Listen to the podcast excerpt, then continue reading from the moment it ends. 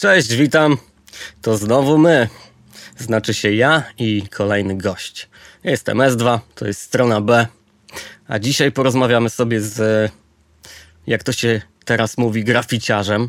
Kiedyś się mówiło writerem. E, DJ-em, wydawcą muzycznym, menadżerem klubowym, reżyserem teledysków, DJ-em radiowym, fotografem. Można chyba się pokusić o takie stwierdzenie, chociaż może to nadużycie, zaraz nam powie. E, no ale przede wszystkim ojcem chrzestnym białostockiego hip-hopu. Obecnym często z tyłu sceny, e, jak na przykład w jury WBW, czy też e, w gremium popkillerów. Obecnie jego praca dzienna tak zwana to scenograf multimedialny w Operze i Filharmonii Podlaskiej. Jednym słowem człowiek renesansu. Przed państwem Robert Burzyński, znany także jako, a nawet przede wszystkim Robal. Dzień dobry, witam serdecznie. Cześć Szymonie. Cześć Robercie. Witam, witam w stronie B. Dziwne czasy nastały, co? Jesteś najbliżej e, mieszkającym z moich rozmówców, a my się łączymy za pośrednictwem e, potęgi internetu, wykorzystując łącza. Tak, e, chociaż tak naprawdę mogliśmy to nagrać E, spotykając się osobiście. Ale doszliśmy do wniosku, że skoro trochę rzeczy mamy na głowie, ty kończysz cały sezon e, swoich e, wideo podcastów, a ja jestem akurat w pracy, więc doszliśmy do wniosku, że zrobimy to tak zwanie modne słowo zdalnie i nagramy w Białymstoku poprzez takie, a inne możliwości. Si, senior, tym bardziej, że z góry tutaj też przepraszając za mój stan mojego aparatu mowy, jestem trochę przeziębiony i rodziny twojej zarażać nie zamierzam, bo i nie wiadomo, cóż to za choroby we mnie tkwią. Jak wiadomo, w czasach dzisiejszych choroby mogą być różne. Tak, mogą być różne.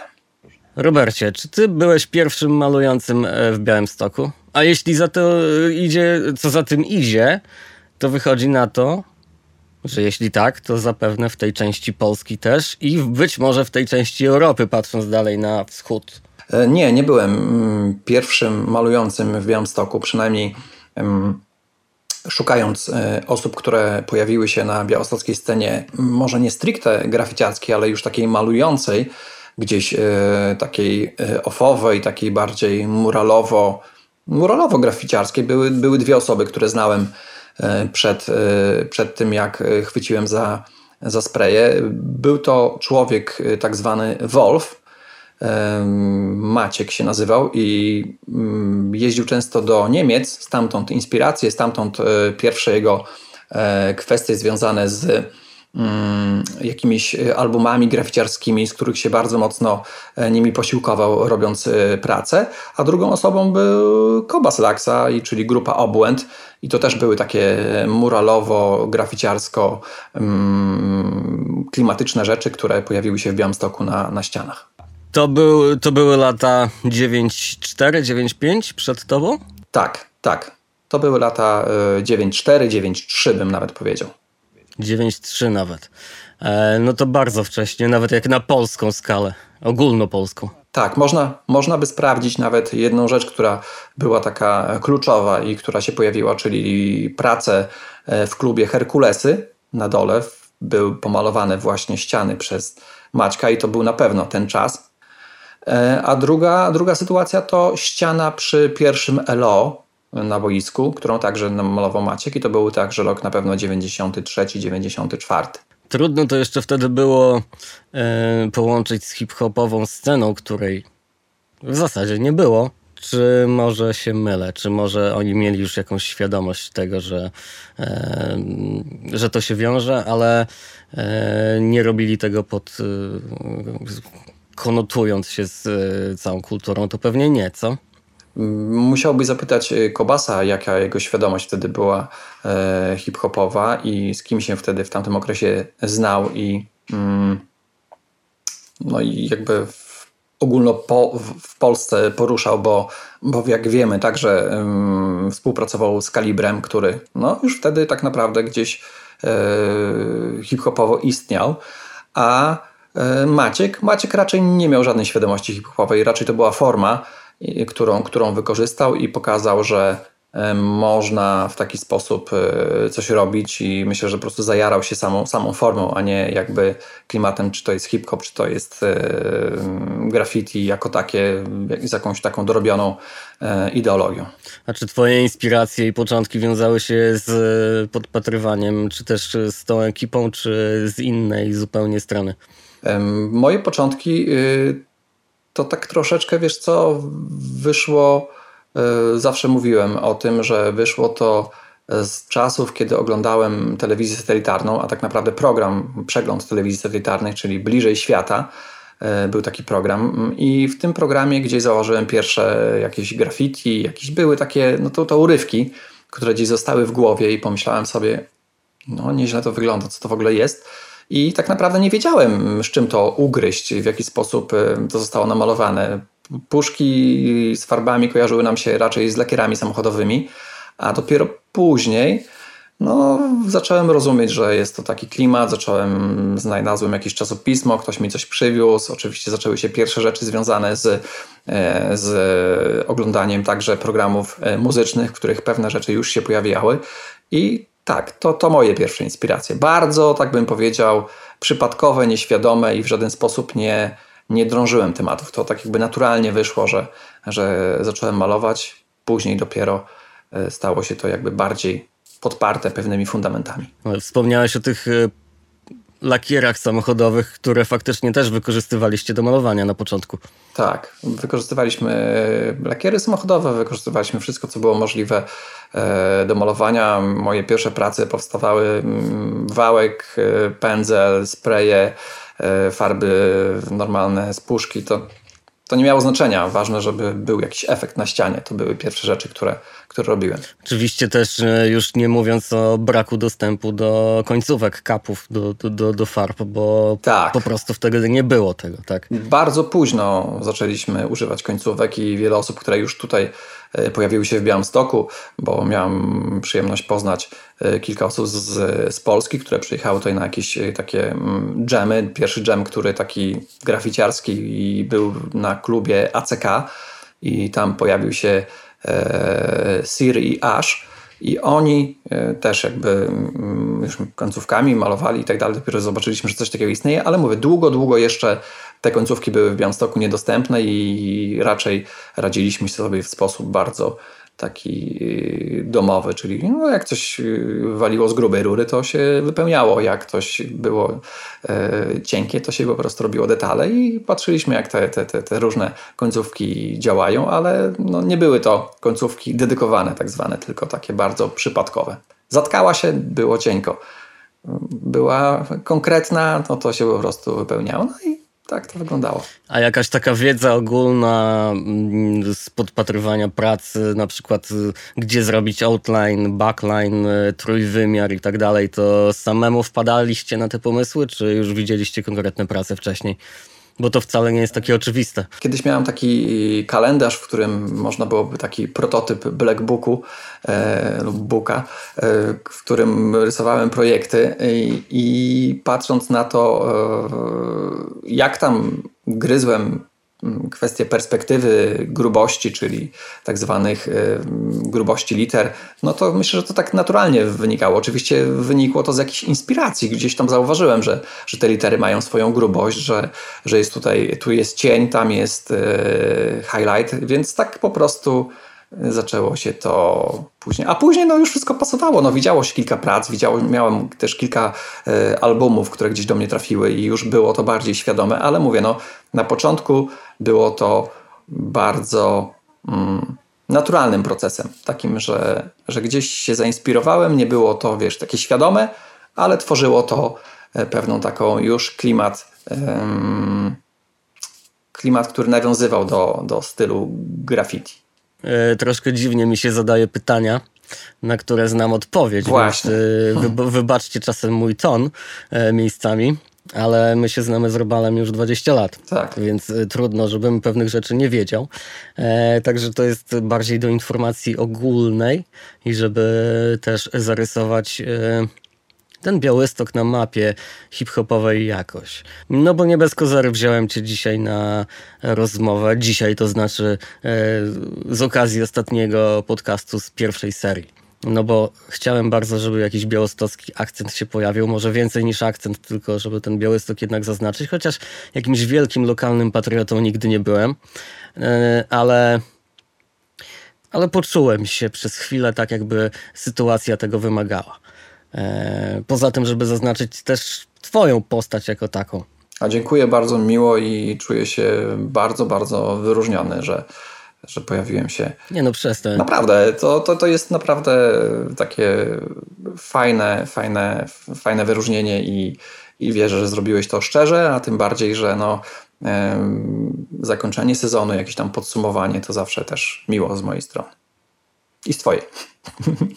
I z mojej, tak. Z mojej też. Miło, że już kończę, nie? W końcu. A nie, nie, nie tego. Nie lękajcie się. E, coś będzie na pewno dalej się działo. To nie jest tak, że kończymy sezon, to kończymy wszystko. Nie, to po prostu e, pierwsza część e, pewnej, pewien rozdział zamykamy. To chciałbym ci rzucić e, parę ksywek.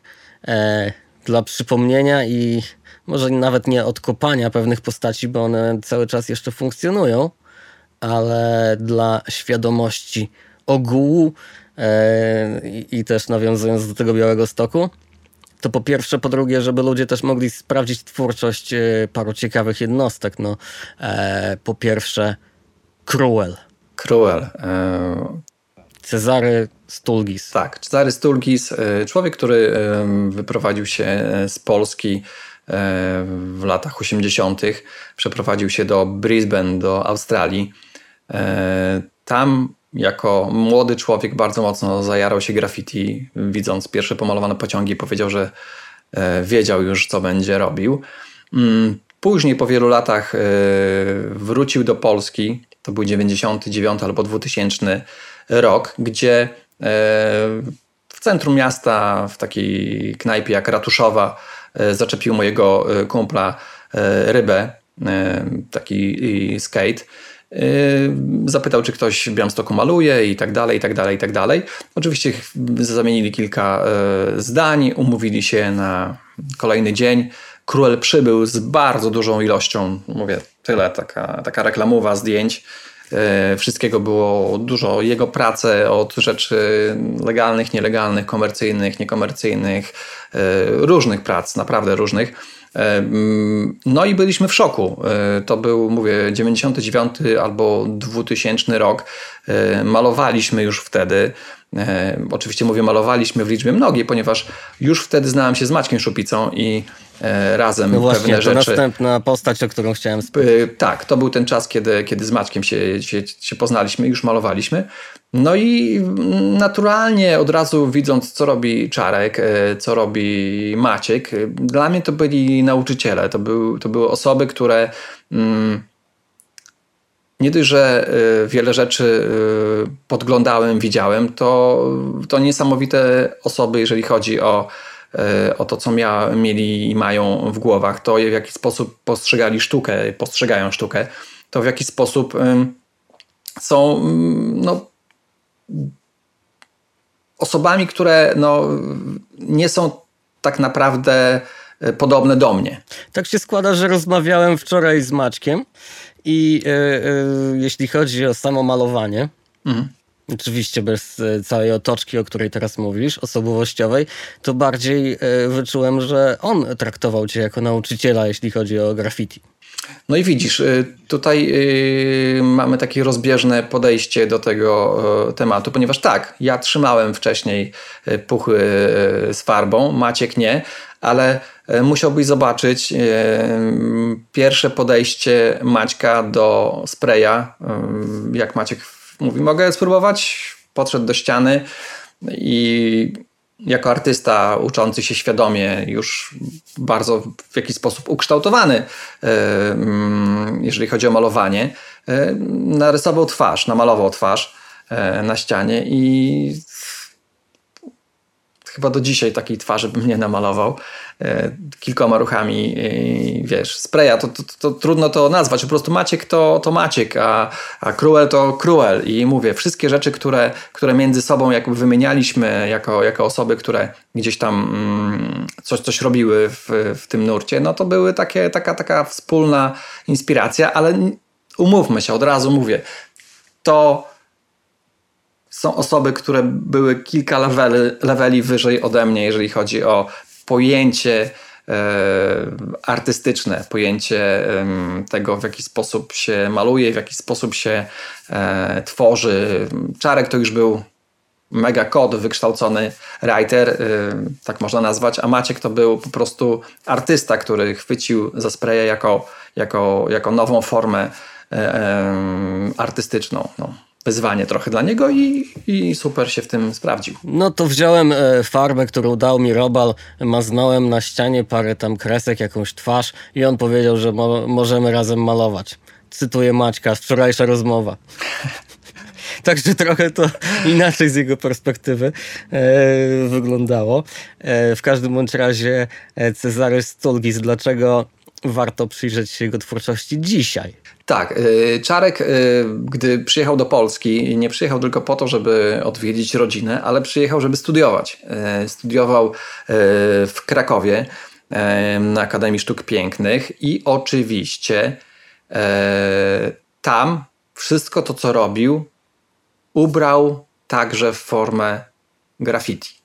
Czyli był kolesiem, który mimo, że był na rzeźbie, studiował kierunek rzeźba, to to, co spawał, to, co robił, wszystko miało jakieś nawiązanie do, mm, do graffiti. Jego pracą dyplomową była olbrzymia mm, instalacja z tyłu chyba budynku szkoły, y, którą wykorzystał tory kolejowe, y, metalowe części oczywiście, y, tory kolejowe, jakieś kawałki trakcji zespawał. No i był to taki wielki napis, oczywiście jego ksywy, czyli Cruel, E, gdzieś to można znaleźć. Było to olbrzymie, ważyło to myślę dużo, ale no to było, to było zespawana rzeźba ksywki. E, imię, jak to się mówi w slangu. Imię, tak, imię, no tak. W writerskim. A powiedz mi, mm, w tej chwili Cezary Stulgis e, mieszka w Australii, możemy zapoznać się jego z pracami.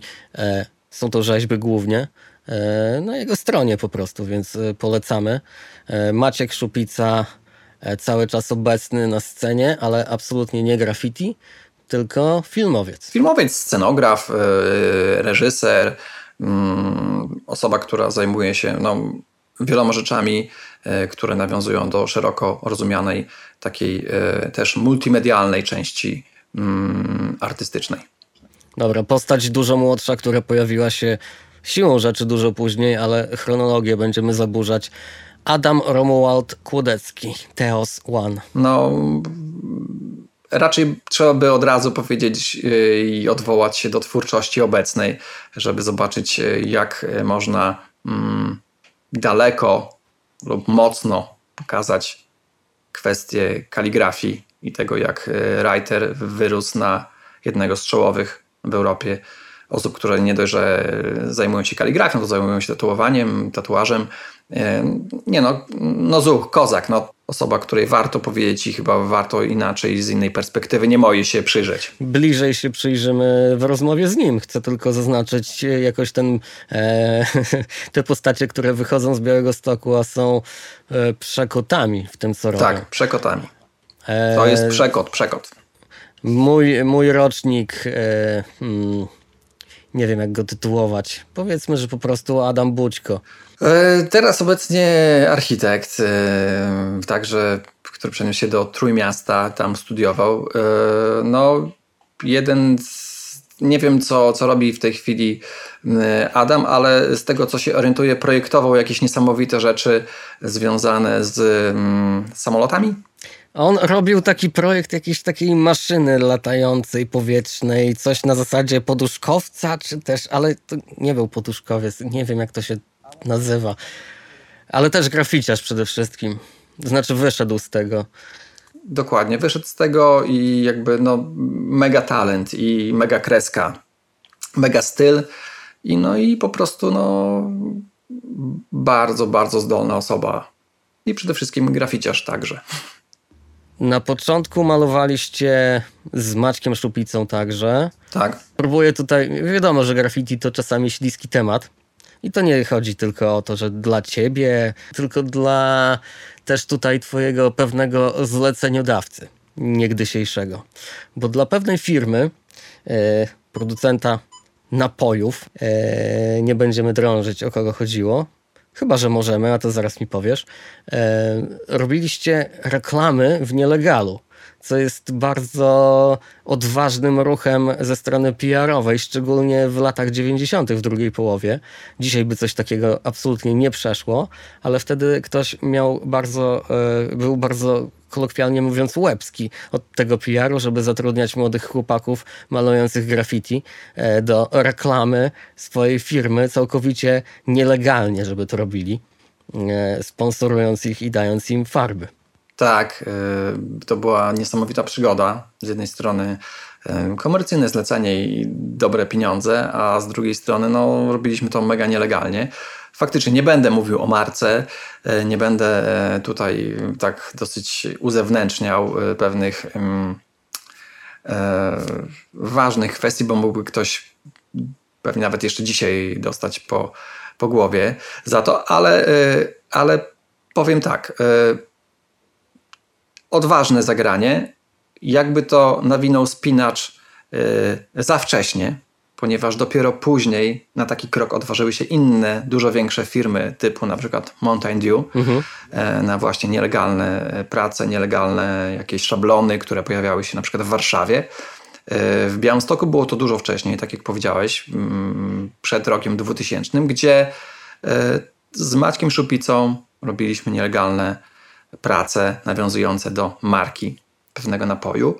E, I to były bardzo e, ciekawe, ciekawe sytuacje, ponieważ e, jedna z nich skończyła się naszym tak zwanym mm, dołkiem.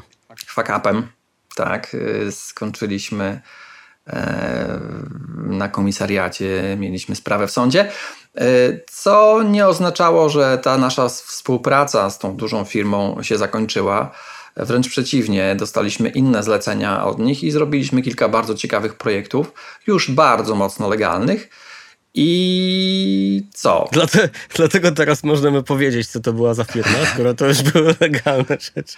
Nie, myślę, że tutaj, że tutaj, że tutaj jedno z drugim, e, jakbyśmy opowiedzieli to w dwóch różnych historiach, e, osoba oglądająca nie mogłaby nie znaleźć związku. A tak, jak to ale już... połączyliśmy w, ty, w tym momencie, to mhm. ten związek jest, jedno wyrosło z drugiego i wydaje mi się, że y, też nam dużo dało y, takiej swobody, przede wszystkim finansowej, która pozwoliła nam robić dużo rzeczy nielegalnych, dużo rzeczy, które no, nie mielibyśmy pieniążków na to, żeby, żeby kupić taką ilość farb, żeby mieć taką ilość farb i żeby robić prace, które, które no, mogliśmy robić w różnych miejscach. No.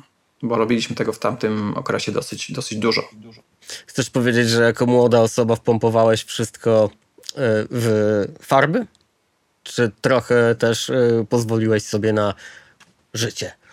Nie, no pozwalałem sobie na życie. To chodziło o to, że jak dostawaliśmy wypłatę, to w latach 90. miałem już swój pierwszy snowboard, y, kupiłem konsolę y, i Maciek Szupica mówi, chodź idziemy do tutaj najlepszej perfumerii, kupimy sobie jakieś dobre dobre perfumy w tamtym okresie, mimo że byliśmy małymi śmierdzielami i tak z drugiej strony to wiesz, y, było takie ciekawe. Chcieliście ładnie pachnieć I, chociaż. I ładnie pachnieliśmy. Byliśmy tacy, wiesz, tacy dosyć, dosyć ten, dosyć eleganccy. jak, jak na graficiarzy. Czasami. Jak na lata 90. Zacznijmy tak, jak na lata 90. i później dołączył oczywiście Cruel, który także połączył z nami siły, jeżeli chodzi o mm, pewne zlecenia, ale oczywiście legalne i mniej legalne rzeczy. I robiliśmy tego dosyć, dosyć, dosyć, dosyć sporo. Legendarny crew, EMB białostockie. To ty i Cruel, tak? Nie, EMB, co ciekawe, to tylko ja byłem i wszedł w to Maciek, Szupica, Aha. ale jakoś chyba Maćkowi nie przypadła ta, ta, ta, ta kwestia do ten skrót, jakieś elita miasta Białystok, czy jakoś tam. Tak, e, jakoś tak. No. tak, znaczy, to ty tam- powinieneś wiedzieć, skoro to ty. Tak, ale to mówię ci, to szybko się zmieniło, ponieważ z Maćkiem od razu stworzyliśmy DMC, Daj. czyli Dance Macabre. Później powstało razem, jak już powiedzieliśmy, Czarek to powiedział, że powinniśmy mieć swoje crew, więc założyliśmy klub NIT. Dlaczego NIT? Nie miało to skrótu. A jeszcze nic. Dlaczego? Tylko Czarek powiedział, że nit jest elementem nierozłącznym. Czyli jak się za coś zanituje, to można to tylko rozwiercić, żeby to rozłączyć. Więc chodziło mu o takie scalenie nas i podobało mu się to słowo, podobało mu się słowo nit, więc było nit. A dopiero później zostaliśmy członkami ekipy, która już działała e, w Australii, czyli DIAA, czyli Dope in Effect i tam właśnie jako Czarek zaproponował, czy, czy chciałbym być członkiem ekipy. Oczywiście było to też bardzo krótko, bo moja przygoda z graffiti wtedy już się też była na wykończeniu. Zaczęły się jakieś inne rzeczy, inne, inne zajawki życiowe, które, e, które gdzieś e, wyautowały mnie, a poza tym, że było tylu młodych, ciekawych e, graczy w Białymstoku, że ta scena już e, samoczynnie fajnie poszła do przodu i to było chyba najfajniejszym mm, najfajniejszym obrazkiem, e, który możesz zostawić tak trochę po sobie, patrząc na to, jak to się kształtuje i jaką to ma inną świadomość, inny nurt i inne, inne, inne podejście. Czy dużo uderzaliście na pociągi? Nie, właśnie y, oczywiście mieliśmy kilka akcji pociągowych, y, ale y, szczególnie Cruel nalegał na to, żeby, żeby, żeby malować pociągi, bo uważał, że w Polsce się je bardzo łatwo e, maluje. E, Ale mieliśmy wtedy tyle e, z Maćkiem, raczej stawialiśmy na spokój, na robienie fajnych prac niż na szybkie, hardkorowe akcje. Zdarzyły nam się, zdarzyły nam się takie, takie sytuacje, zdarzyły nam się e, pościgi e, mm, przez e, sochistów, ale to raczej byliśmy tymi mm, legalnymi graczami w tamtym momencie niż tak stricte nielegalnymi, ale umówmy się, na początku z Maćkiem malując nie patrzyliśmy, czy to jest legal, czy nielegal. My s- widzieliśmy ścianę i ją malowaliśmy i było kilka ścian, które namalowaliśmy e, tak sobie za dnia i dopiero właściciel budynku, na którym malowaliśmy, pytał, co my tu robimy, że malujemy. No i no, było takich sytuacji. Było, że jakiś policjant podszedł do nas i powiedział, że uciekajcie stąd, bo wam No, dokopię. ładnie z jego A strony. Maciek mówił na przykład, a, Ma, a Maciek mówił, tylko skończę zajączka. On patrzył na Maćka i powiedział, dobra, tylko zajączka. no to nam, do, to nam dokopał. No, były, były, były takie sytuacje, e, ale mówię, na pewno mm, w tamtym momencie stawialiśmy troszeczkę na, na kwestie legalne, ponieważ mieliśmy tyle puszek z różnych e, ten, że staraliśmy się to wykorzystać na jakieś e, kolorowe, duże, duże produkcje. A to jak cię zabrano na komendę, posterunek, to był tylko ten raz, kiedy malowaliście ten legalny nielegal? Znaczy sponsorowany nielegal? Tak, sponsorowany nielegal to był. Czy pytasz, czy to jedyny raz, kiedy wylądowałem na komendzie? No, z, jeśli chodzi o farby. Tak, to był jedyny raz. To była gruba sprawa. Rozpisywały się o tym gazety. E, Skończyłem nie tylko ja na komisariacie, ale także e, właśnie Maciek i, i, i nasze tak zwane e, graficiarskie oczy, czyli osoby, które stały na czatach. E, I co, no, musieliśmy się trochę tłumaczyć. Z Maćkiem, co ciekawe, zeznawaliśmy to samo bez uzgadniania jakichkolwiek em, wcześniejszych wersji. Widocznie prawdę mówiliście. I no właśnie nie, właśnie mówiliśmy takie bzdury, że głowa boli, tylko później czytając zeznania się śmieliśmy, że, że bardzo blisko to było siebie i no musieli w to uwierzyć. E, I no i jak po tym wszystkim nasze dalsze, dalsze działania skupiły się na bardziej legalnych kwestiach, no bo troszeczkę też mieliśmy obawy, że kolejna sprawa może nas finansowo pogrążyć, chociaż ta także e, mało nas nie kosztowała. To był taki podział w Polsce, w sumie na świecie i dalej gdzieś tam jest, że ci, którzy malują tylko nielegale, e, często są cięci na tak zwanych legalnych writerów i Tak, i wtedy też tak było. jest taka opinia wśród, wśród tej części sceny, że to jest, wiesz, nie, nie jest prawdziwe. E, czy wtedy spotkał was ostracyzm jakiś ze strony hardkorowców, czy nie, skoro malowaliście legalne rzeczy? Co ciekawe, e, trzeba powiedzieć, że ci wszyscy, wszystkie osoby, które później były mm, bardzo nielegalnymi graczami, wszystkich e, mm, ja do dzisiaj czuję taki mm, dużą ilość szacunku do osób, które pojawiły się po mnie i które y, naprawdę skupiły się na, na nielegalnych pracach i na nielegalnych y, opcjach. Y, więc z jednej strony czułem się, że jestem takim trochę, wiesz, legalnym Mhm. writerem i robię to tylko, bo, bo mi się to podoba i w tym mam jakby największy fan, że robię to legalnie. E, Ale no nie odczułem później, nie odczułem później, żeby ktoś w jakiś sposób mi to wypomniał. Raczej y, zawsze mm, czułem no, duży szacunek od osób, które, które malują nielegale, które robią to kozacko, szybko, znakomicie i mają na swoim koncie niewyobrażalne ilości i pociągów, i ścian. Przyjechał zresztą do Białego Stoku jeden z e, poważnych writerów. no, legenda farby, e, który nie wiedział, że jesteś, że już jest jeden robal w Białymstoku i e, wrzucił swoje litery. Spike. Tak, Spike e, miał ksywkę Robal przez e, parę chwil, ale dowiedział się, że, że, że, że jest Robal e, jeszcze drugi, że to ty i cię przeprosił, tak? Chyba nawet, czy coś takiego. Tak, tak. Znaczy, znaczy tak, wy, wyjaśnione to zostało szybko, ale no, no, zrobił pracę na Legionowej. To było ciekawe, że e, została przybita mi ta praca później, więc też śmieszna historia. No dosyć oczywiste, skoro e, wszyscy w Białymstoku cię znali i pojawia się Robal Tak. w troszkę innej stylówce niż twoja, ale jednak. Tak. E, takiej, którą można jeszcze pomylić było, bo te litery były takie charakterne w tamtym czasie, e, więc równie dobrze mogłyby być twoje z jakiejś tam strony, patrząc na to. Mogły być, no ale mówię, no, sytuacja, sytuacja śmieszna, ale sytuacja e, szybko wyjaśniona. Sam mógłbym co nieco opowiedzieć, ale ja miałem wtedy lat, e, zdaje się, jakieś 17, więc e, zostawię to tobie. Powiedz o największej imprezie e, hip-hopowej już w pełni, bo nie tylko graffiti, chociaż wiązało się to z pomalowaniem e, wielkiej ściany, z pierwszym białostockim dużym legalem, która miała miejsce pod koniec lat 90. Chodzi ci o oczywiście o mm, hip-hop jam mm, na hucie. Tak?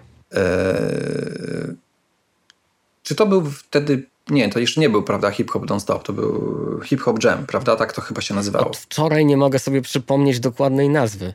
E, przede wszystkim e, w Białymstoku istniało miejsce, które przez kilka lat bardzo mocno spolaryzowało środowisko hip-hopowe białostockie, czyli Huta. Koło Huty była olbrzymia, Raczej skonsolidowało niż spolaryzowało. tak, skonsolidowało, przepraszam. Tak, tak, lepsze o wiele. A to miałeś na myśli. Tak, Czy- tak, czy nie? tak, tak, tak. E, jak najbardziej. E, chodziło o to, że obok e, huty była duża ściana uchwytów, które już nie istnieją. I to był taki Hall of Fame, można było powiedzieć, białostocki, e, legalny, na którym przyjechało mnóstwo osób z Polski. E, była także impreza e, hip-hopowa muzyczna. No i, no i, no i działo się. No, malowaliśmy tam z, z Maćkiem Szupicą wtedy. Tak? Tak. W sensie to była wspólna praca? Nie, dwie oddzielne prace.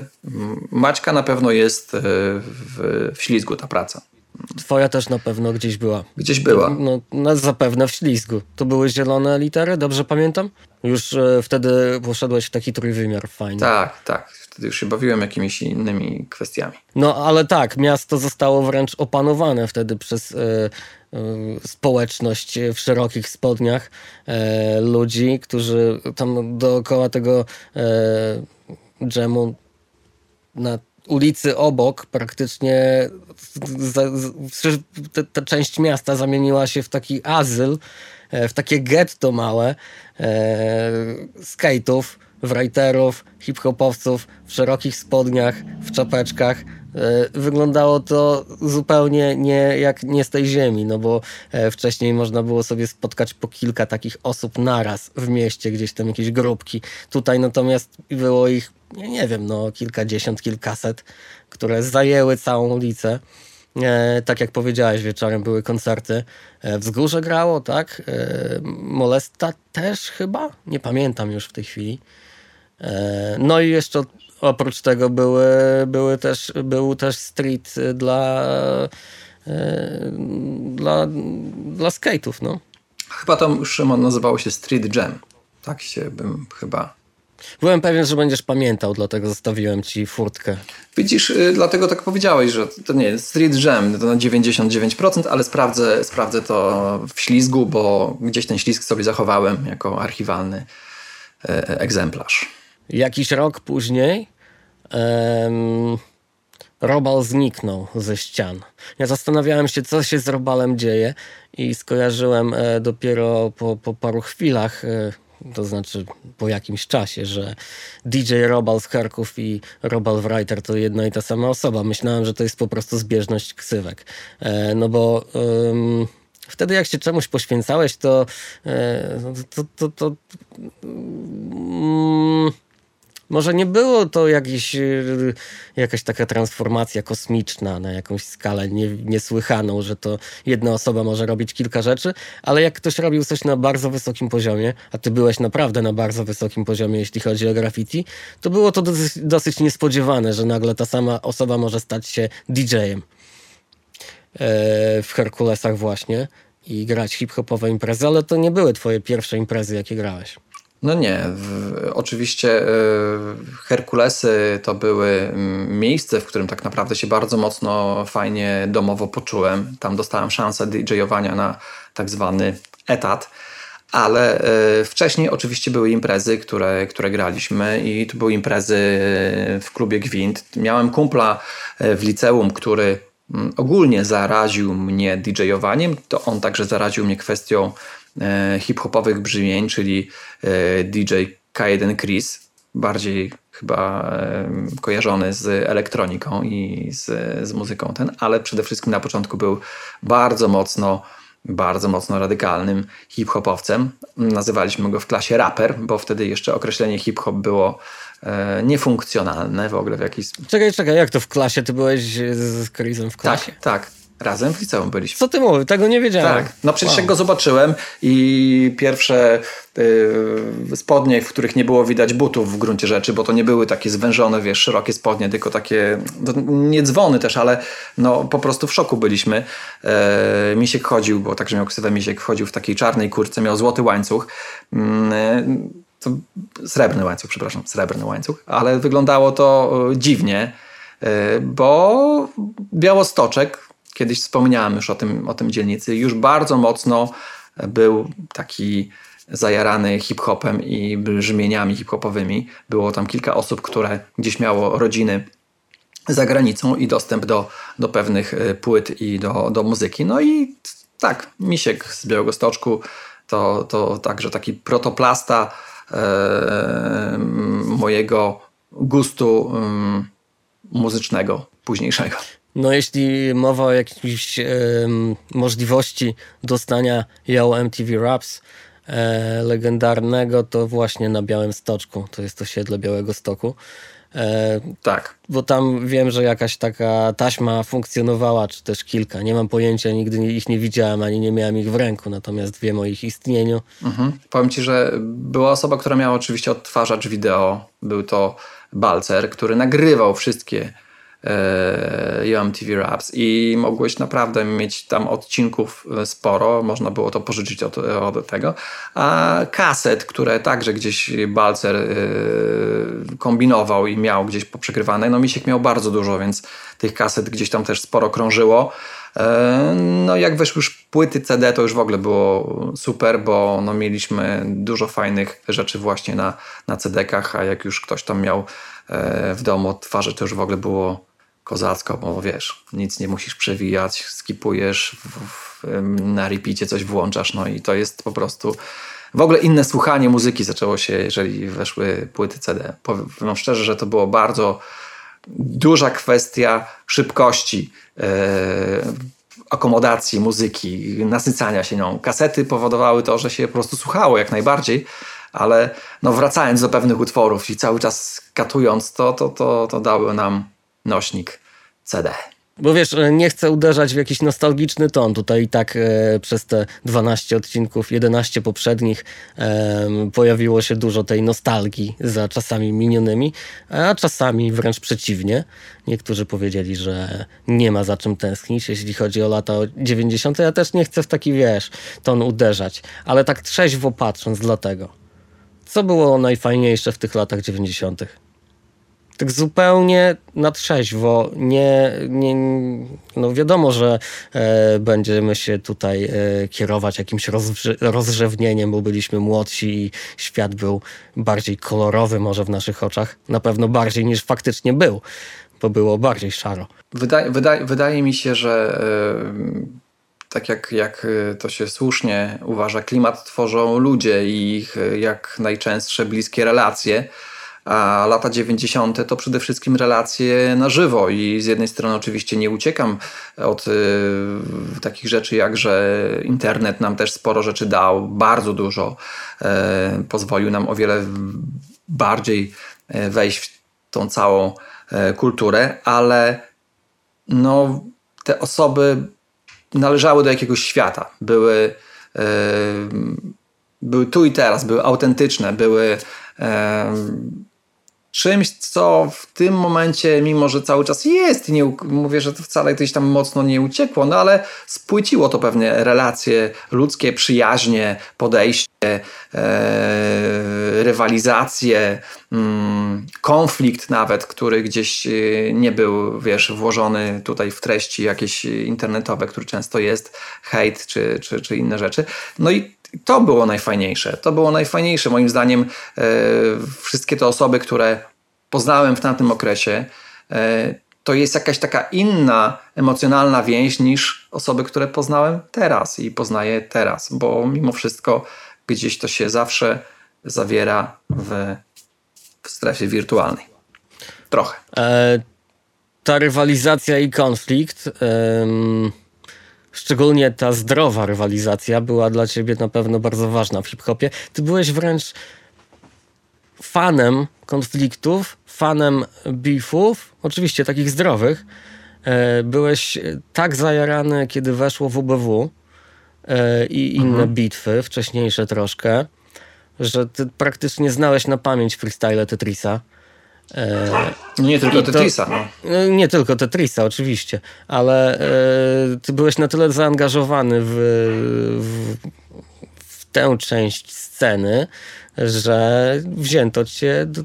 Często też krytykowałeś e, jury, często wchodziłeś w polemikę, jeśli chodzi o WBW, o, o, o pewne, nie podobały ci się pewne sprawy organizacyjne, tak. ale e, nie, nie, nie był to taki hejt e, zupełnie ślepy, tylko polemizowałeś z tymi ludźmi. I to na tyle sensownie i merytorycznie, że w końcu skończyło się to tym, że wzięto cię do jury po prostu. Tak. E, finał. Oczywiście tak, finał. przenosimy się trochę w czasie, nie? Tak, przenosimy się w czasie. E, co ciekawe, fajnie, że w, usiadłem w tym jury, gdy mm, już nie startowały osoby, które emocjonalnie i jakby przyjacielsko ze mną mm, się znały, czyli Pogo i Tetris. Mhm. E, już wtedy do gry weszli inni bardzo dobrzy gracze, najlepsi w tamtym momencie do dzisiaj mm, piekielnie dobrzy freestyle'owcy i osoby, które mają piekielnie otwarte głowy, jeżeli chodzi o hip-hop. Nie będę wymieniał tutaj ksywek, po prostu wiecie o kogo chodzi, bo, bo cały czas gdzieś w tym jesteście i czasami można was gdzieś e, spotkać i fajnie poczytać to, jak myślicie i, i jak pewne rzeczy komentujecie. A do czego zmierzam? E, I tak, byłem e, mocno zajarany.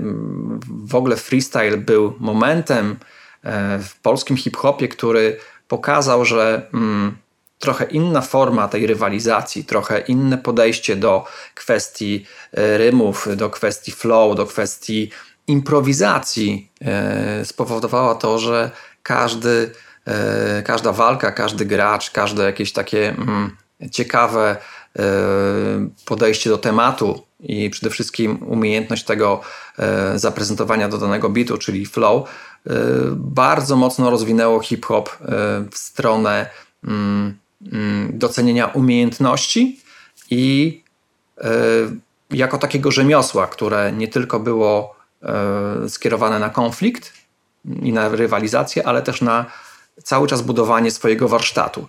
I teraz, patrząc na to, jak wyrosło, wyrósł freestyle i w jakiej tam formie jest podawany, to mimo to, że tego nie śledzę, no to jest to już yy, jednak inny poziom. Inny poziom, który dzięki tamtym osobom i tamtym czasom spowodował, że, że freestyle znalazł się w Polsce na, w pewnym momencie na bardzo fajnym poziomie. Czy to jest to, co cię w hip-hopie pociągało najbardziej od początku? Rywalizacja, czy nie? Nie. Nie. Teraz do rywalizacji wrócę. Dobrze to powiedziałeś.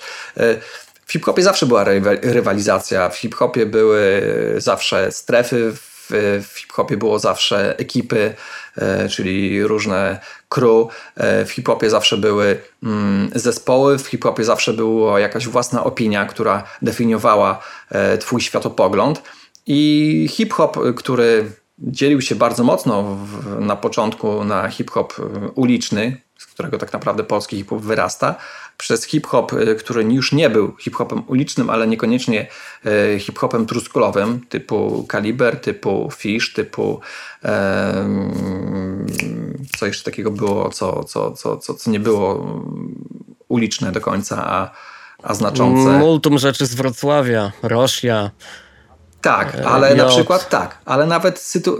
nawet tak, nawet same WYP3 nie było takie tak, uliczne. To zależy z kim się akurat, e, w którą stronę tam, e, no raz z Warszawą kolaborowali, kolaboracja to dziwne słowo. Ale to chodziło, chodziło, chodziło właśnie, o i nawet tak bardzo z drugiej strony no, uliczne, no ale też z drugiej strony już inne, były, był, był, był już dużo inny, był warszawski deszcz, który no w ogóle w inną stronę odbijał i pokazywał hip-hop e, na innym poziomie postrzegania tak naprawdę. Więc tutaj też bym, bym powiedział, że to wszystko budowało e, to, że mm, gdzieś zgubiłem myśl na, a propos e, konfliktu i, i, i, rywalizacji, ale no mówię, no hip-hop, zdrowe podejście hip-hopowe budowało się na rywalizacji i konflikcie i wiele E, ciekawych e, przyjaźni bądź mm,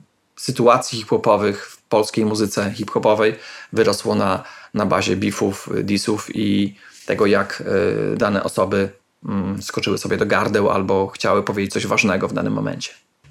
Lub hamując pewne trendy, albo je podbijając. Dużo w Twoich wypowiedziach jest nazw miejscowości, miast, z których pochodzą dane ekipy, dani ludzie. Samą rozmowę zacząłem od tego, że nigdy nie byłem jakimś przesadnym lokalnym patriotą, ale mimo to chcę, żeby ten odcinek był trochę bardziej białostocki. Ostatnio usłyszałem bardzo ciekawy zarzut w stosunku do Rakima. Zarzut ten sformułował MC, starszy od niego, co już się rzadko zdarza ostatnimi czasy. Mm. Daddy O ze Stetsasonic. Stetsasonic. Um, że popełnił on największe kłamstwo w hip-hopie. I oto ma do niego zarzut, że powiedział It ain't where you're from, is where you're at. -hmm. A tak naprawdę hip-hop polega na reprezentowaniu. Proszę, rozwiń, jak ty to widzisz, bo nigdy o tym nie rozmawialiśmy. No, tak naprawdę. E, Szymon, a propos tego, powiedziałeś kiedyś super e, jedną rzecz. E, pamiętasz spotkanie w uniwersytecie, na Uniwersytecie Białostockim na socjologii było spotkanie chyba z Radkiem Miszczakiem, akurat był chyba... I Andrzejem Całą. Tak, leksykon polskiego hip-hopu, taka książka. Tak. I siedzieliśmy razem w ławce, było tam kilka osób. Śmiesznie to brzmi, tak, ale usiedliśmy tak. razem, tak. Usiedliśmy razem w ławce i zadano nam pytanie. Czym jest hip-hop? Pamiętasz? Nie, nie, to było tak. co, y, o czym myślisz, kiedy słyszysz hip-hop? Ja odpowiedziałem, że tak zupełnie naturalnie i bez namysłu o sobie. Tak, o nas powiedziałeś No, wtedy. o na- To o My jesteśmy. może. Tak, Okej. chodziło o to, że ja jakoś to inaczej pamiętam, ale chodziło o to, że właśnie, że ten. No właśnie, myślę, że tutaj jest y, rozwinięcie tej myśli, że no, y, jedna rzecz to reprezentowanie, wszystko się zgadzam, ale z drugiej strony y, to każdy z nas ma jakąś własną, różniącą się definicję e, hip-hopu. E, Gdzieś ma własne granice, gdzieś ma własne mm, moralne i etyczne, e, takie wiesz, taki moralny etyczny e, pastuch, który nas tam nie, nie wprowadza w pewne rejony. I, I chyba o to chodzi, bo nieważne skąd jesteś jednak, wiesz, ważne, też chyba się z tym zgodzę, że, że jednak jest to dużo szersze, że głowa nie ma granic, a, a skąd jesteś i gdzie pochodzisz i w jaki sposób y, pewne rzeczy widzisz, to jest już całkowicie drugorzędna Ale kwestia. zauważ y, nawet taką, y, jak się ludzie, hip-hopowcy właśnie się często przedstawiają. Do, po dziś dzień, no kiedyś to było bardziej nagminne, ale nazywam się tak i tak, reprezentuję Kraków, reprezentuję Gdańsk, reprezentuję to i tamto. Tak, no oczywiście byłeś, no ale chodzi, tu- zaraz, zaraz, bo tutaj jakby jedno drugiego nie, Nie wyklucza, nie, jasne. nie wyklucza, ponieważ no, że, że, e, że reprezentujesz, no reprezentujesz, no masz gdzieś swój, tak jak powiedziałem, e, ekipę, miejsce, dzielnicę często, bo można powiedzieć, że reprezentuję na przykład Poznań, ale na przykład no jestem z, z takiej takiej dzielnicy, reprezentuję Warszawę, ale jestem z takiej i takiej dzielnicy, a, a ta druga dzielnica wbrew pozorom jest dla mnie ostro wroga, bardziej wroga niż Kielce i na przykład Poznań, bo tak jest. Tak było. No właśnie. I to było bardziej też w latach 90. Teraz już takiej wrogości, Tak. no po pierwsze nie ma już takiego podziału subkulturowego. No, Subkultury zanikają w zasadzie. Dla nas to wydawało się czymś oczywistym, że one są, bo kiedy weszliśmy, wchodziliśmy w dorosłość, to one były. A to nie jest tak, że one były od zawsze, e, od zarania dziejów gdzieś tam. Nie, to było, wiesz, e, po, po dwudziestowieczny w zasadzie dwudziestowieczna rzecz. No chyba, że się mylę jakoś e, strasznie, ale myślę, że nie jakoś drastycznie na pewno. E, wcześniej nie było. W, w wieku XX ludzkość znalazła się w miejscu, w którym nie była nigdy wcześniej.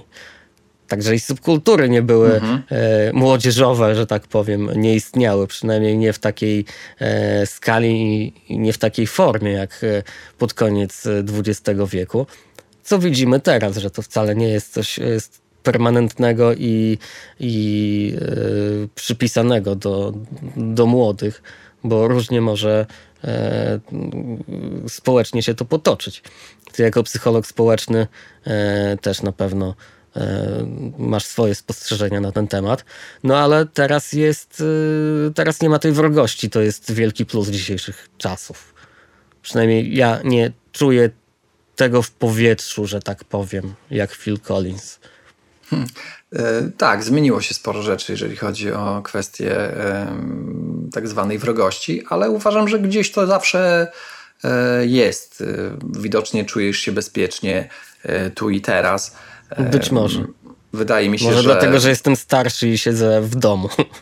to, to też, to też ma jakieś, jakieś, jest, jakieś warunkowanie, ale wydaje mi się, że e, dopiero gdy jeździmy, wyjeżdżamy i szczególnie, nie mówię już to o Polsce, bo tu rozmawiamy o Polsce raczej, ale jeżeli jesteśmy gdzieś za granicą, to wcale takiego poczucia bezpieczeństwa w niektórych miejscach e, nie mam i nie miałem przez te lata.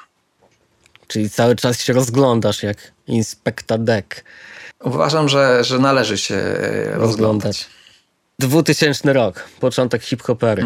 Hip-hopera, audycja w białostockim radiu, w Radiu Białystok, którą prowadziłeś od 2000 roku do 2018, e, czyli od jej początku do końca e, przez 18 lat. Ja dołączyłem trochę później, 2004-2005 mniej więcej, więc też parę słów o tym, tym bardziej, że to ty tutaj możesz najlepiej opowiedzieć, jak to się zaczęło, co pokierowało grupą młodych ludzi, że poszła do radia i skąd taki pomysł w ogóle się wziął. No i taka ciekawostka, jak to było z pierwszymi audycjami, które były, miały scenariusz napisany na kartce i czytaliście e, do mikrofonu swoje e, przemyślenia co do słowa z, napisane wcześniej. Geneza. Krótko i na temat. Y, Kobyła wraca e, z Londynu. Mówi, że siedząc tam w Londynie, słuchał różnych autorskich audycji, które w danych radiach były prowadzone przez osoby, które nie były związane z tym z tą rozgłośnią. Były to audycje autorskie i bardzo takie ciekawe, ponieważ to była taka i taka stacja, a tu nagle była audycja hip-hopowa lub audycja jakaś garażowa lub audycja e, two-stepowa, jakieś takie brzmienia elektroniczne, które też e, jakby była słuchał. Mówi, że różne, różne rzeczy, ale to go bardzo mocno mm, zainspirowało do tego, żeby coś takiego zrobić w Białymstoku. Okazało się, że znajomy znajomego zna tutaj kogoś w radiu i trzeba można w jakiś sposób spróbować w Radiu Białystok taką audycję e, stworzyć. Oczywiście nagraliśmy demo, demo totalnie e, słabe, e, rower Błażeja totalny. Mm, pamiętam, że nagraliśmy to na mini disk. To taki format i nośnik, który już jest gdzieś tam zapomniany, ale do czego zmierzam? E, przesłuchał to dyrektor programowy i powiedział, że chyba nie do końca o to nam chodzi. No tutaj to dziwnie. E, w tamtym czasie zrobiliśmy to razem z Pitrasem, z Kobyłą, no i ja. Trzy osoby nagrywając to demo u Pitrasa. E, doszliśmy do wniosku, że potrzebujemy jeszcze kogoś, kto w jakiś sposób wprowadzi jakąś jakość e, do tej audycji, więc zaprosiliśmy Picha. Pich w 2000 roku był oczywiście kolegą kolegi i tak dalej, ale wiedzieliśmy, że ma mnóstwo także płyt, że jest kolekcjonerem i naprawdę E, w tamtym momencie e, picha wiedza była naprawdę olbrzymia i bardzo mocno uzupełniała wiele rzeczy związanych z naszą wiedzą. I to była osoba, która bardzo też fajnie poruszała się już e, w radiu i na hip-hopowej scenie w Polsce, bo już miał za sobą pewne rzeczy związane z nagraniem, z debiutem, czyli 1.7. Tak, to był początek. No to, to tak, to, to, mhm. ten, tak, ten, tak. ten moment, tak. I, I co? No i spotkaliśmy się, okazało się, że no właśnie czytamy z kartki, że, że to jest takie troszeczkę mm, sztywne, że to jest takie bardzo nieprofesjonalne, że gdzieś nie jesteśmy sobą. No i nie potrafimy w jakiś sposób się wyluzować, więc decyzja o tym, żeby rzucić kartki, yy, powstała bardzo szybko. Znaczy, doszliśmy do wniosku, że nie, mówmy tak jak mówimy, róbmy tak jak myślimy podchodźmy do tego w sposób taki, jak jesteśmy, a przekazujmy te informacje w sposób własny. No i wtedy zaczęła być e, audycja funkcjonować na jakimś takim innym, luzackim, może nie tak profesjonalnym, ale na pewno szczerym, e, szczerym podejściu wobec słuchacza i wobec siebie. I to chyba zaowocowało, ponieważ mimo tego, że szybko się współpraca z PIH skończyła, to zaczęliśmy trochę inaczej prowadzić tę audycję. Skład się też szybko dosyć zmieniał, był Kobyła, później Kobyła powiedział, że on się w tej roli nie za dobrze czuje, dołączył Bocian, mm, z którym jakieś 4 lata, czy nawet 5 e, prowadziłem audycję, no i pojawiłeś się ty, które było takim naturalnym zmiennikiem bociana i wtedy tak naprawdę hip-hopera wskoczyła na poziom bardziej profesjonalny, ponieważ różniłeś się co do pewnych kwestii związanych z podejściem radiowym i tak, przede wszystkim radiowym i światopoglądowym także. Od Bociana. Światopoglądowym i... powiadasz, to ciekawe. Tak, znaczy miałeś takie jakby pewne, pewne rzeczy pozwoliły nam patrzeć szerzej. Takie miałem odczucie, że, że widziałem progres audycji, że to poszło w ten. Chociaż uważam, że no, każdy e, z Was, i później dołączył oczywiście Franz, każda osoba, która w jakiś sposób tworzyła audycję, wniosła coś bardzo e, ciekawego do tego, e, tego produktu. E, i była potrzebna, żeby pokazać, że można w taki sposób mówić o hip-hopie, nie spinać się i być cały czas sobą. Byliśmy takimi, wiesz, takimi radiowcami na, na, na nie wiem, na, na nie wiem, na jaką część etatu. Mniej niż ćwierć, nie umiem tego wymówić. Tak, e, policzyć. Tak. No dobra, ale ty już w czasie hip-hopery przez ostatnie lata odsuwałeś się od e, całej, całego hip-hopu, ogólnie rzecz biorąc, przez brak czasu także. E, mniej słuchałeś nowości, mniej śledziłeś i b-boying, i, i te bitwy freestyle'owe także, e, które wcześniej były twoją wielką zajawką, jak powiedzieliśmy. Nawet mniej bywałeś w radiu fizycznie. E, I teraz mam takie pytanie, czy nie dopadł cię e, jest taki białostocki klub Nowy FOMO, nie? Ale to ja nie, nie e, jest skrót FOMO nie, nie, nie, nie nawiązuje do nazwy tego klubu, bo Ditek ma swoje inne rozwinięcie. A ja usłyszałem ostatnio, że FOMO to znaczy Fear of Missing Out, czyli strach przed tym, że cię coś ominie. Na przykład, kiedy nie będziesz na imprezie ze znajomymi. Na przykład, kiedy nie będziesz śledził jakiegoś wątku popkulturowego albo czegoś w polityce, albo nowych odcinków jakiegoś serialu, o którym wszyscy będą mówić. Czy nie bałeś się, że coś cię omija w tym hip-hopie? Nie, nie miałeś takiej trochę, wiesz, yy, takiego dziwnego strachu?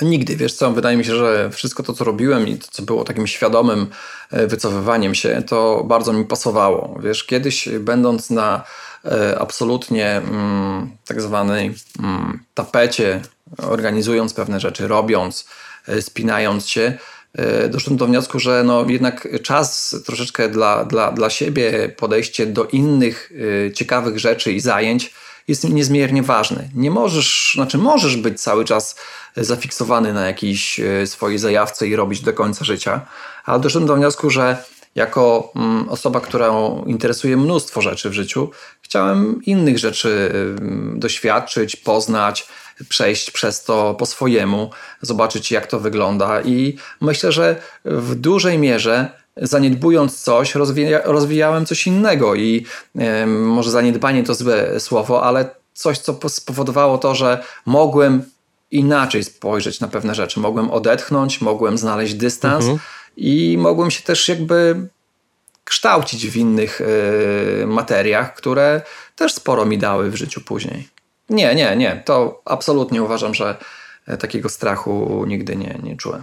Co się wiąże też, e, żeby nie czuć tego, takiego strachu, trzeba mieć chyba wysoki, dość wysoką charyzmę i dość wysoką, no, takie zdrowe mniemanie o sobie prawda? Tak mi się wydaje. Możliwe. Wydaje mi się, że. Psychologicznie na to patrząc. Wydaje mi się, że y, pewnego punktu widzenia y, jak najbardziej, że, że nigdy mm, nie powodowało to we mnie jakiejś, nie wiem, jakiejś mm, frustracji lub czegoś, co e, wpływało na mnie, że, że, że mnie tam nie ma lub że czegoś tam nie zrobiłem, bo to chyba nie wiem, czy to jest kwestia charyzmy, czy to jest kwestia charakteru, ale na pewno jest to e, kwestia mm, mocnej psychiki. No. Którą czasami, czasami posiadam, czasami może mniej posiadam, e, tak jak każdy, ale w tym momentach czułem się naprawdę pewnie i czułem się, że, że to, to nie jest nic takiego, co w jakiś sposób powinno na mnie wpływać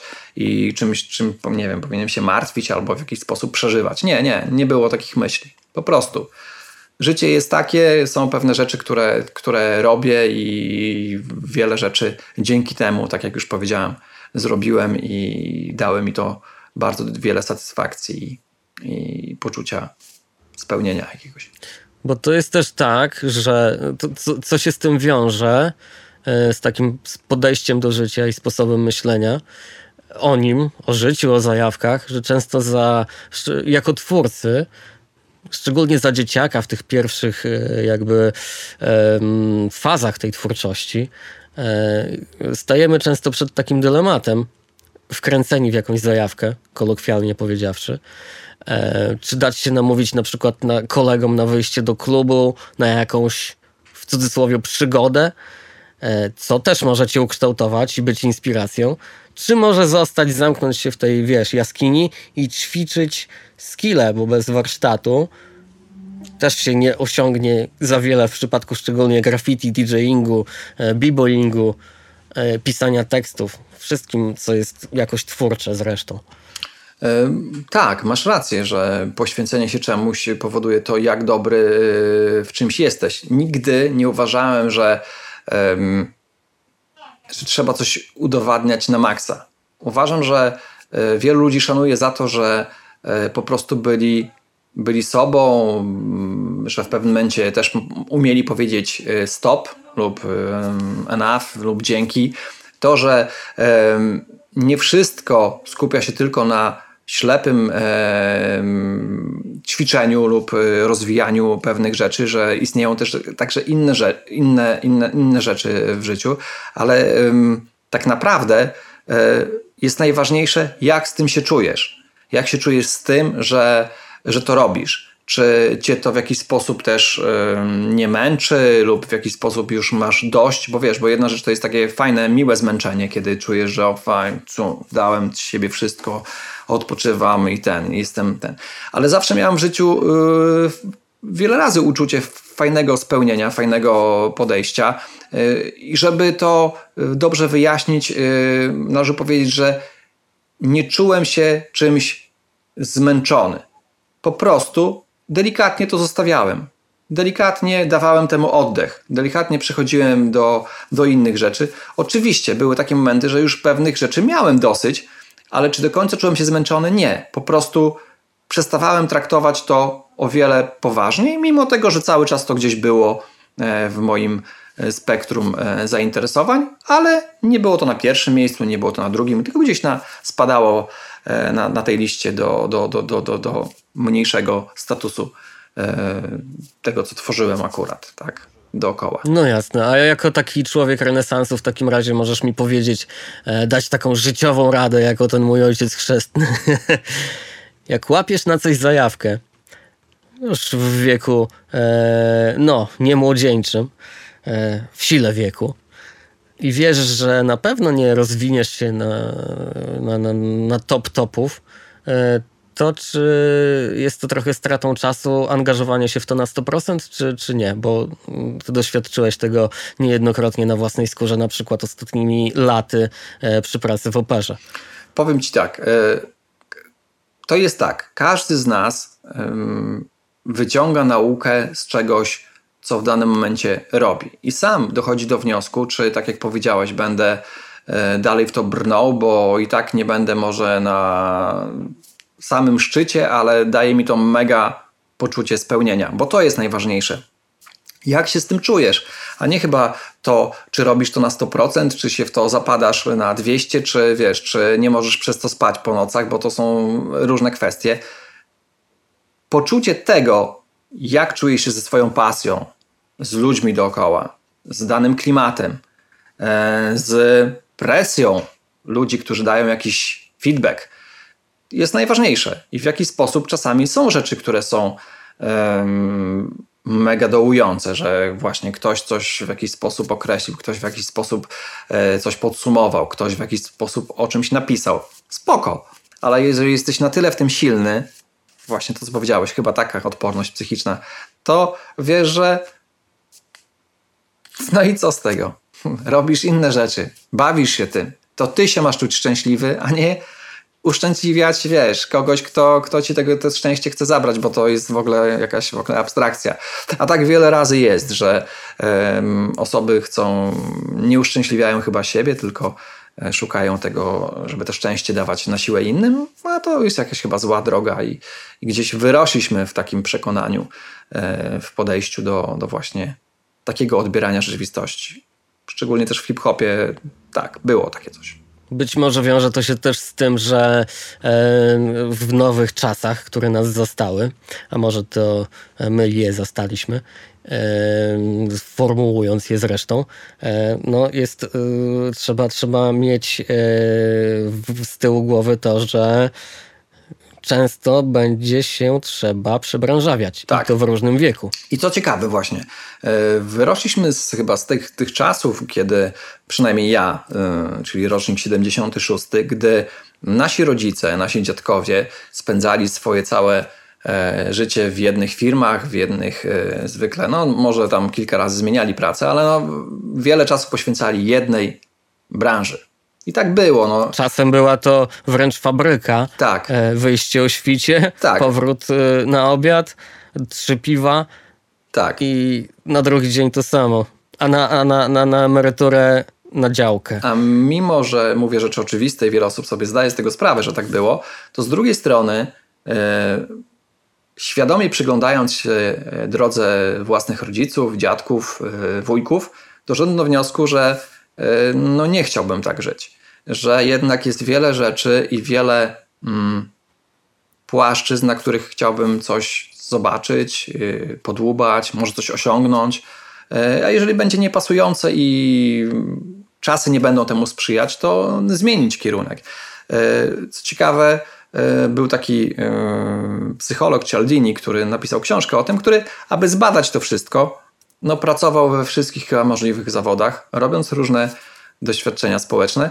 I czytając tę książkę, także uświadomiłem sobie, jak sobie fajnie pewne rzeczy E, poukładał, z drugiej strony robiąc mm, doświadczenia i eksperymenty, które miały później wpływ na całe odbieranie ludzi w różnych aspektach psychologicznych, ale to tak e, by the way. Mm, chodzi mi o to, że podoba mi się w wielu przypadkach to, że cały czas czegoś szukam, gdzieś e, drążę, czymś się zajaram i czasami coś stygnie i zajmuję się czymś, co znów mnie jara, bo ta amplituda jest potrzebna. W powietrzu wisi konkluzja, że na przykład graffiti to też profesja, z której e, jak każdej e, można się wypalić na przykład. Można się wypalić. I chcieć się zmienić. Ale gdyby nie graffiti i ten artystyczne podejście, wiele rzeczy w życiu bym dalej nie robił. Jedno jest kontynuacją drugiego. W jakiej formie to już sobie każdy indywidualnie e, myślę znajdzie, ale każdy z nas ty, jako osoba, która zaczęła od hip-hopu, jeżeli chodzi o kwestie e, w, w roli rapera, MC. Tak. No, też zacząłem od malowania, przepraszam cię bardzo. Dobrze, ale do, do malowania. I co cię. A, bo, bo, bo dobra, do malowania. I co? Nie wróciłeś gdzieś do tego malowania teraz? Nie robisz pewnych rzeczy, które. Gdzieś ja, twoja estetyka. Kiedy tylko mam się... kartkę E, w ręku, to, to nie ma opcji, żeby nie została cała zatagowana i cały czas jakieś małe follow Ale chodzi o kwestię estetyki, którą masz. Nawet budując A, pewne rzeczy, że tak. zbudowało to, że zacząłeś pewne rzeczy robić i ta estetyka gdzieś powstała kiedyś. No pewnie. I to gdzieś sobie nawiązujesz. Jeżeli chodzi o kwestię mm, twojego pisania. Okej, okay, pisałeś teksty, bardzo dobre zresztą, ale czasami, i tu ci nie słodzę, E, uwielbiam czytać to, co napiszesz, czasami jakiś dłuższy tekścik, jakiś felitonik. No ostatnio rzadko ci się to zdarza, ale e, robisz rzeczy, które w jakiś sposób gdzieś były pokłosiem pewnego, nie wiem, pewnej mm, wrażliwości estetycznej, pewnego podejścia, które gdzieś sobie wyrobiłeś wcześniej. Oczywiście to rozbudowałeś. No oczywiście. I, no. i to wszystko ma jakby y, dalej przełożenie. Uważam, że każdy z nas, y, z tych osób, które znamy i byśmy sobie mogli te osoby tak, wiesz, postawić w rzędzie, mogliśmy opisać właśnie na bazie tej drogi. Jedna była może mniej wyboista, niektórzy może przechodzili y, bardziej płynnie do pewnych kwestii, ale wydaje mi się, że każdy jest w tej naszej nowej szkole, bym to tak nazwał, e, gdzieś bardzo mocno nasycony różnymi klimatami. Szczególnie jeżeli chodzi o, o ludzi, którzy właśnie wyrośli z hip-hopu, wyrośli z Białego Stoku i przenieśli się gdzieś dalej. Wspomniałeś o tym, że y, tu, tu, przewinęło się przynajmniej parę razy słowo twórca, e, ale też y, dla mnie zawsze byłeś bardziej twórcą niż biznesmenem, ale tej, e, tutaj też próbowałeś się sprawdzić, próbowałeś podjąć y, kroki jako e, wydawca.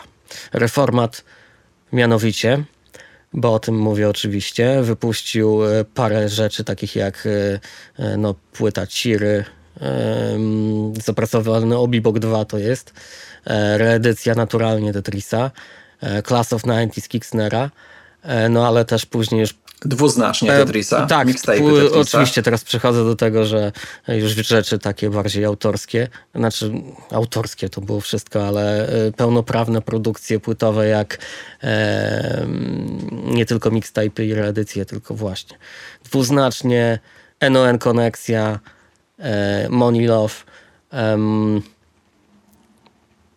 um, jak, jak oceniasz tamte lata? Czy, czy reformat to było udane przedsięwzięcie, czy, czy nie?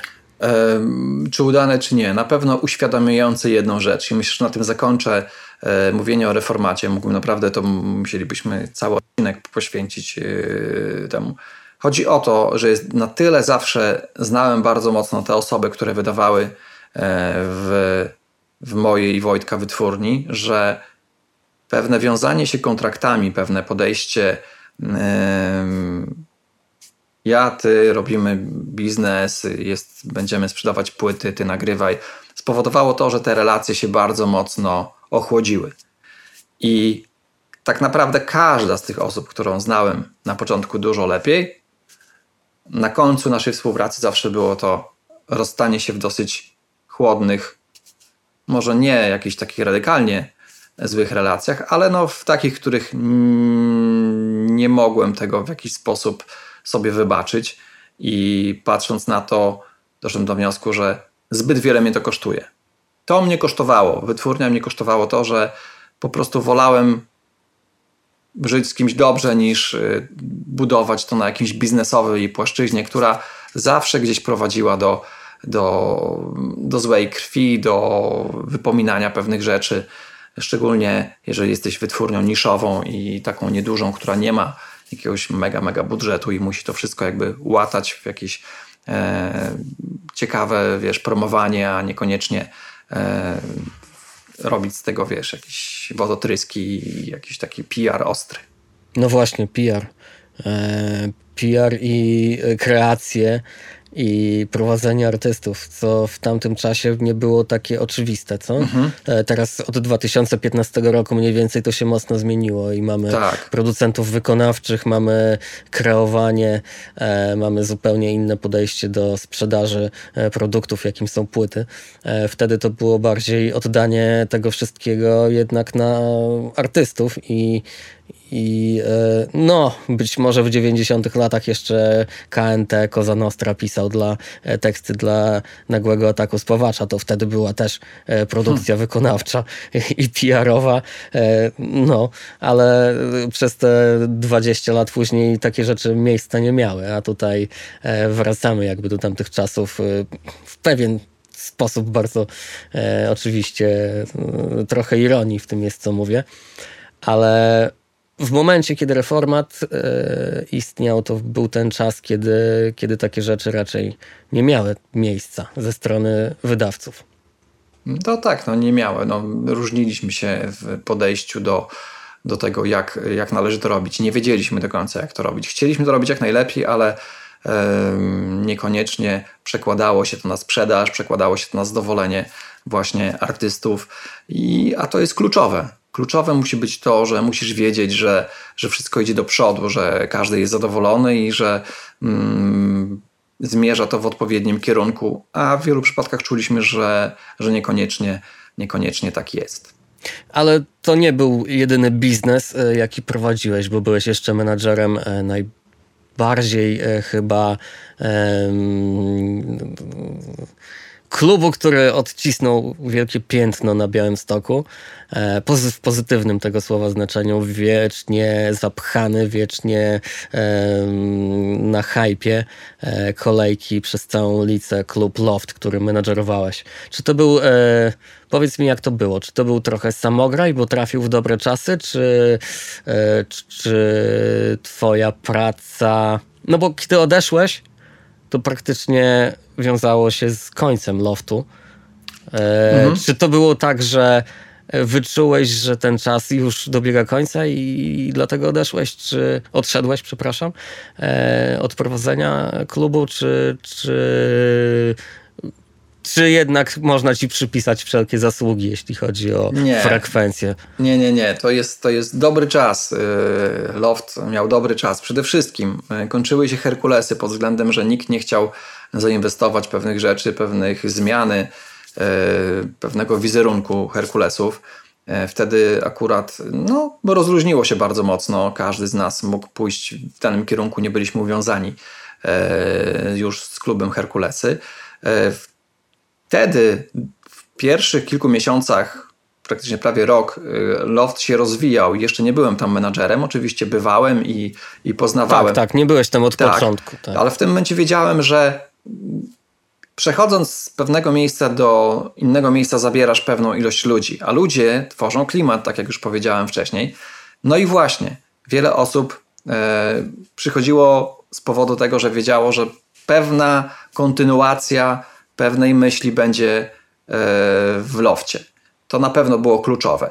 Z drugiej strony, tam stworzyły się nowe towarzystwa, tam się stworzyły, przyszli nowi ludzie, którzy tworzyli ten klub i miałem tego świadomość, że nastąpi moment, że to także jest produkt, że będzie gorzej, o ile nie będzie się o to dbało do końca. No i z jednej strony Rest in Peace Czarek, czyli właściciel loftu, który miał na to pomysł, ale z drugiej też wiedział, że inwestowanie pieniędzy w. Nie miał do końca zaufania, żeby zainwestować dalej w loft, żeby go rozwijać, rozwijać, rozwijać, ponieważ e, łatwiej pieniądz często jest ważniejszy niż e, to, żeby coś utrzymać, żeby ten produkt e, działał dłużej.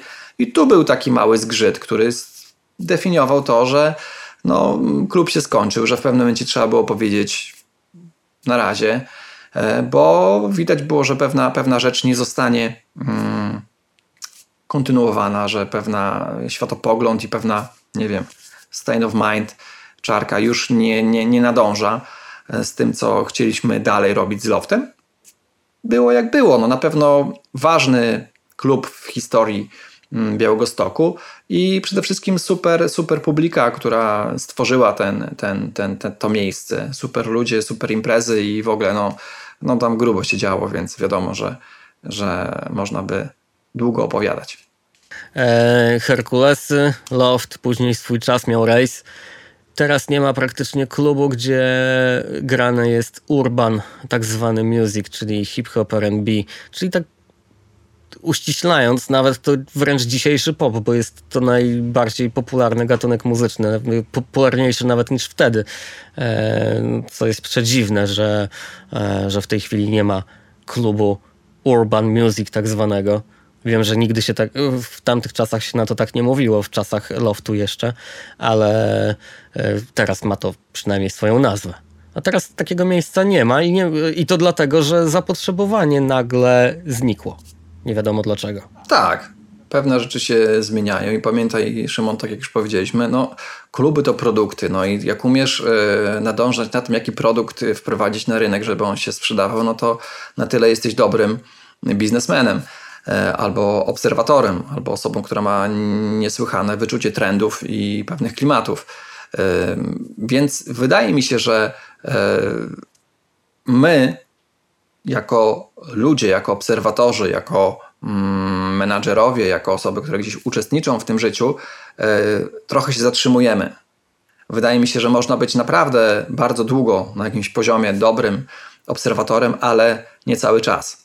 Jednak zawsze jest to wyhamowanie i musi być zmiana warty, więc pozwólmy e, w większości klimatów, od muzycznych, graficiarskich e, i każdych innych, które są związane z hip-hopem i nie tylko, E, przejąć tą pałeczkę tym młodszym, tym bardziej wyczulonym, tym z większą energią i z lepszym fokusem na pewne sprawy, bo tak działa teraz wszystko w gruncie rzeczy i trzeba się z tym pogodzić, a jak umiesz się z tym pogodzić i w jakiś sposób to fajnie obserwować, to tylko się z tego cieszysz, że, że masz tego świadomość, a nie, że, że się denerwujesz, że takiego klubu nie ma lub że nie ma gdzie pójść, bo yy, dalej mówię, są inne rzeczy, które mnie teraz jarają i nie jarałbym się, żeby pójść do klubu, chyba, że z, zadzwoniłbyś i spotkalibyśmy się jakąś ekipą i z drugiej strony nie, nieważne było, jaki to jest klub.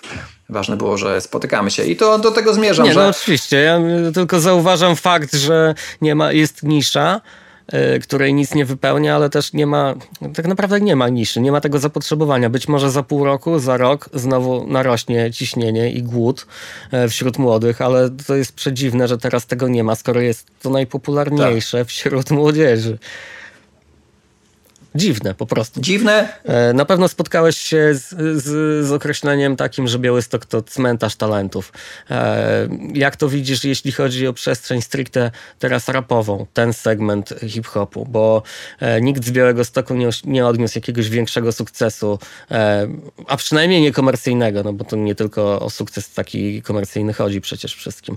Oprócz Lukasyno i Picha, z tym, że Pich mieszkał e, w Warszawie przez lwią część e, e, ostatnich dekad, a Lukasyno zawsze miał jakąś tam pracę mhm. dzienną. Uważam, że naprawdę trudno jest się wybić, jeżeli chodzi o kwestię teraz hip-hopu i kwestia, czy to jest cmentarz talentów. Wydaje mi się, że w każdym mieście znalazłbyś sporo ludzi, którzy leżą na tym lokalnym cmentarzu. Czyli, że ktoś się wybija, jest to kwestia szczęścia, przypadku, talentu, takich wszystkich tych zmiennych, które gdzieś wyznaczają pewnego czasu, e, znajomości, no wielu, wielu, wielu czynników, które pozwalają, że ktoś osiąga ten sukces.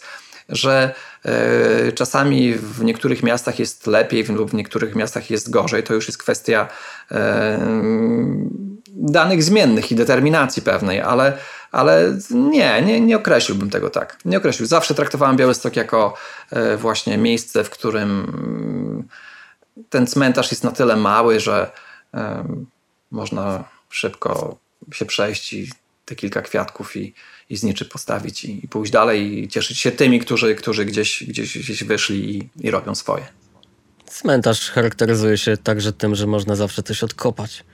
No właśnie, to też jest ciekawe.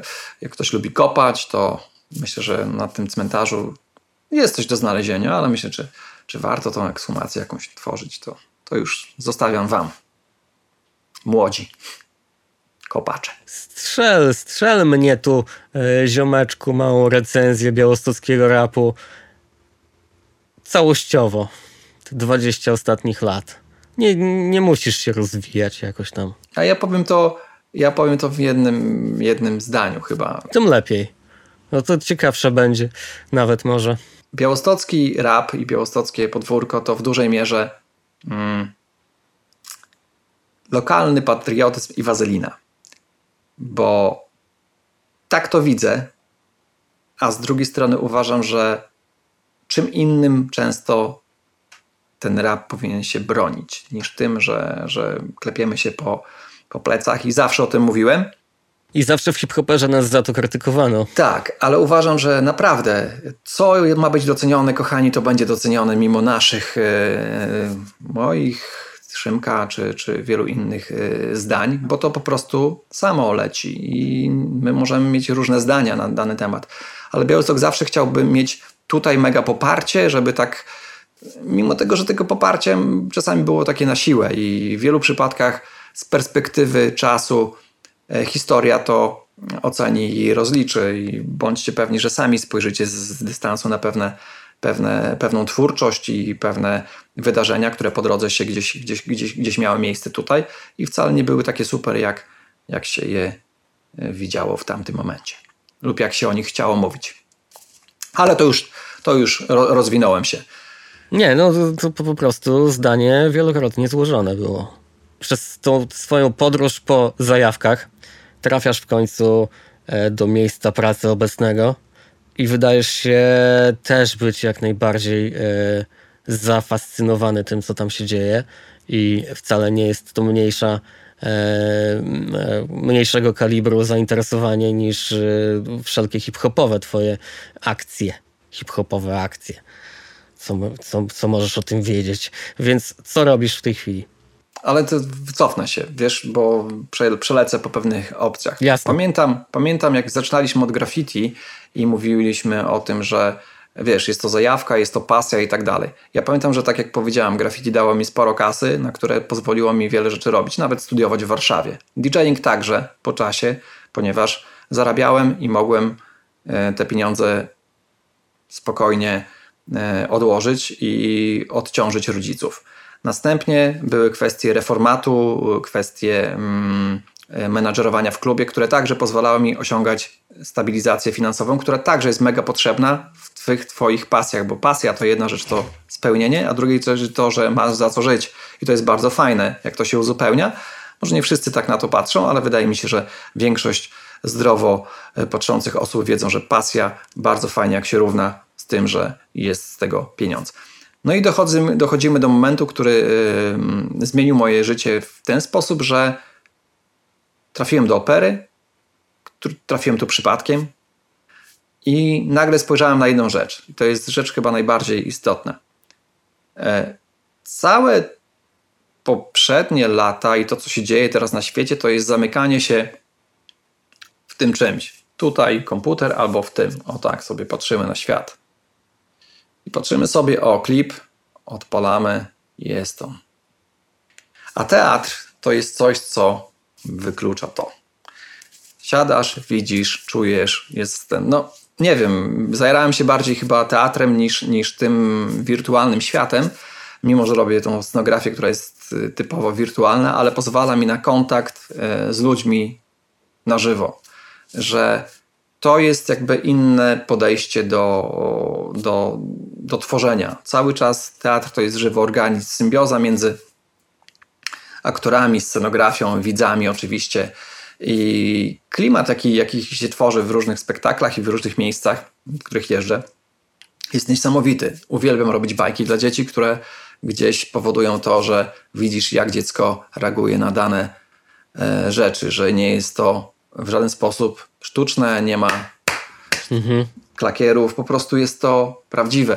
I właśnie teatr jest takim, takim czymś, że pozwala e, starszym dzieciom zapomnieć na chwilę, wbić się w dany świat, który gdzieś tam kreujesz po części, jesteś osobą odpowiedzialną za pewne rzeczy i, i to jest najpiękniejsze, dlatego czuję wracając y, z pracy po, po jakichś premierach lub po jakichś wydarzeniach, które tworzyliśmy, jestem mega zadowolony, bo widzę wzruszenie, widzę coś, co dało to. Oczywiście tak jest tak, że było z muzyką, tak, że było z płytami, także z twórcami, z klipami, ze wszystkim, co po drodze osiągnąłem, ale to jest kolejny level, który pozwala mi spełniać i widzieć ten konstruktywny efekt, który daje ci energię do robienia nowych rzeczy, nowych wyzwań, podejmowania jakichś nowych, nowych celów. Mhm. Tak to widzę. No. To jest w tej chwili teatr, trochę teatr który, który, który jest tu i na miejscu. Oczywiście też mnóstwo, mówię, spektakli, które są w Polsce i gdzieś sobie jeżdżę i tworzę różne. A tęsknisz troszkę za radiem jeszcze czasem? Tak, oczywiście. Tęsknię za radiem, tęsknię za tobą, e, tęsknię za, za Francem i mówię, czasami wydaje mi się, że e, popełniam jedną rzecz, zapadając się w pewne czynności, że mm, znów troszeczkę nie dbam o inne, ale bardzo często o, to, o sobie to wszystko spisuję i obiecuję, że mm, będzie lepiej, że pewne rzeczy trzeba w jakiś sposób, e, tak, trzeba nadrobić pewne rzeczy, że, że to tylko w nas jest to coś, co, co nazywamy pielęgnowaniem pewnych mm, znajomości. Wczoraj rozmawiając z kumplem z Londynu właśnie też powiedziałem, że za rzadko rozmawiamy, za rzadko e, się widujemy, ale nawet kwestia tego, że w tej chwili e, pozwala nam to wszystko wirtualny świat, żeby jak najczęściej się kilka, kilka zdań wymienić, kilka fotek przesłać, bo to fajne jest, bo to jest, wiesz, cały czas e, no, wielu znajomych już, wiesz, gdzieś, gdzieś tylko istnieją właśnie w tej wirtualnej przestrzeni, bo na żywo wielu osób e, się nie widzi i to jest smutne. Tego mi brakuje czasami, żeby wiesz, żeby, żeby widzieć, że, że gdzieś jest ten kontakt i jest on taki jak w tych latach 90. Okej. Okay. Chyba na ten moment y, nie pozostało mi nic innego, jak podziękować Ci za rozmowę, e, za te e, parę chwil, może więcej troszkę niż parę. Jako, że zajętymi ludźmi jesteśmy, aktualnie, a ty jesteś, no to ja cię wyrywam z pracy w tej chwili, chociaż tak w zasadzie to siedzisz w budynku opery, ale wiem, że zaraz biegniesz robić kolejne, e, kolejne rzeczy. Więc co, Robercie? Mm, e, Do zobaczenia na szlaku, na szlaku zajawek. Tak, Szymonku, a ja chciałem Ci podziękować za mm, te ostatnie, mm, nie dwie godziny, tylko ostatnie 20 lat. I to, Zaczynamy w jakiś, wiesz, dzwon tu bić dziwny. Nie, nie dzwon. Chodzi o to, że też dzięki temu, że znamy się tyle czasu, możemy też przeprowadzić taką, a inną rozmowę, która gdzieś tam po drodze e, zahaczyła o pewne rzeczy, które, które były fajne i ciekawe.